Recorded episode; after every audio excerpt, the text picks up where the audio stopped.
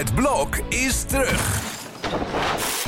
Vier koppels, vier bouwvallen, vier verbouwingen en dus een hele hoop stress. Het blok, iedere werkdag om half negen bij net vijf. Hij heeft er gewoon afgeslacht. Gewoon horror. Overal bloed. Uiteindelijk ben ik in de boeien geslagen en afgevoerd.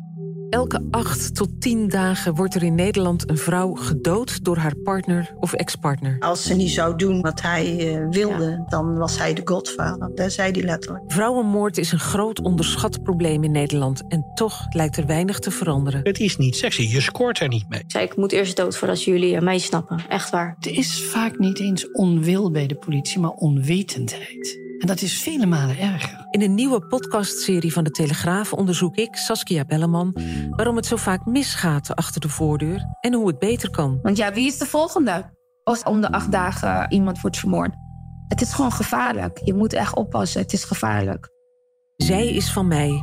Nu te beluisteren op de site en app van de Telegraaf en in je eigen podcast-app.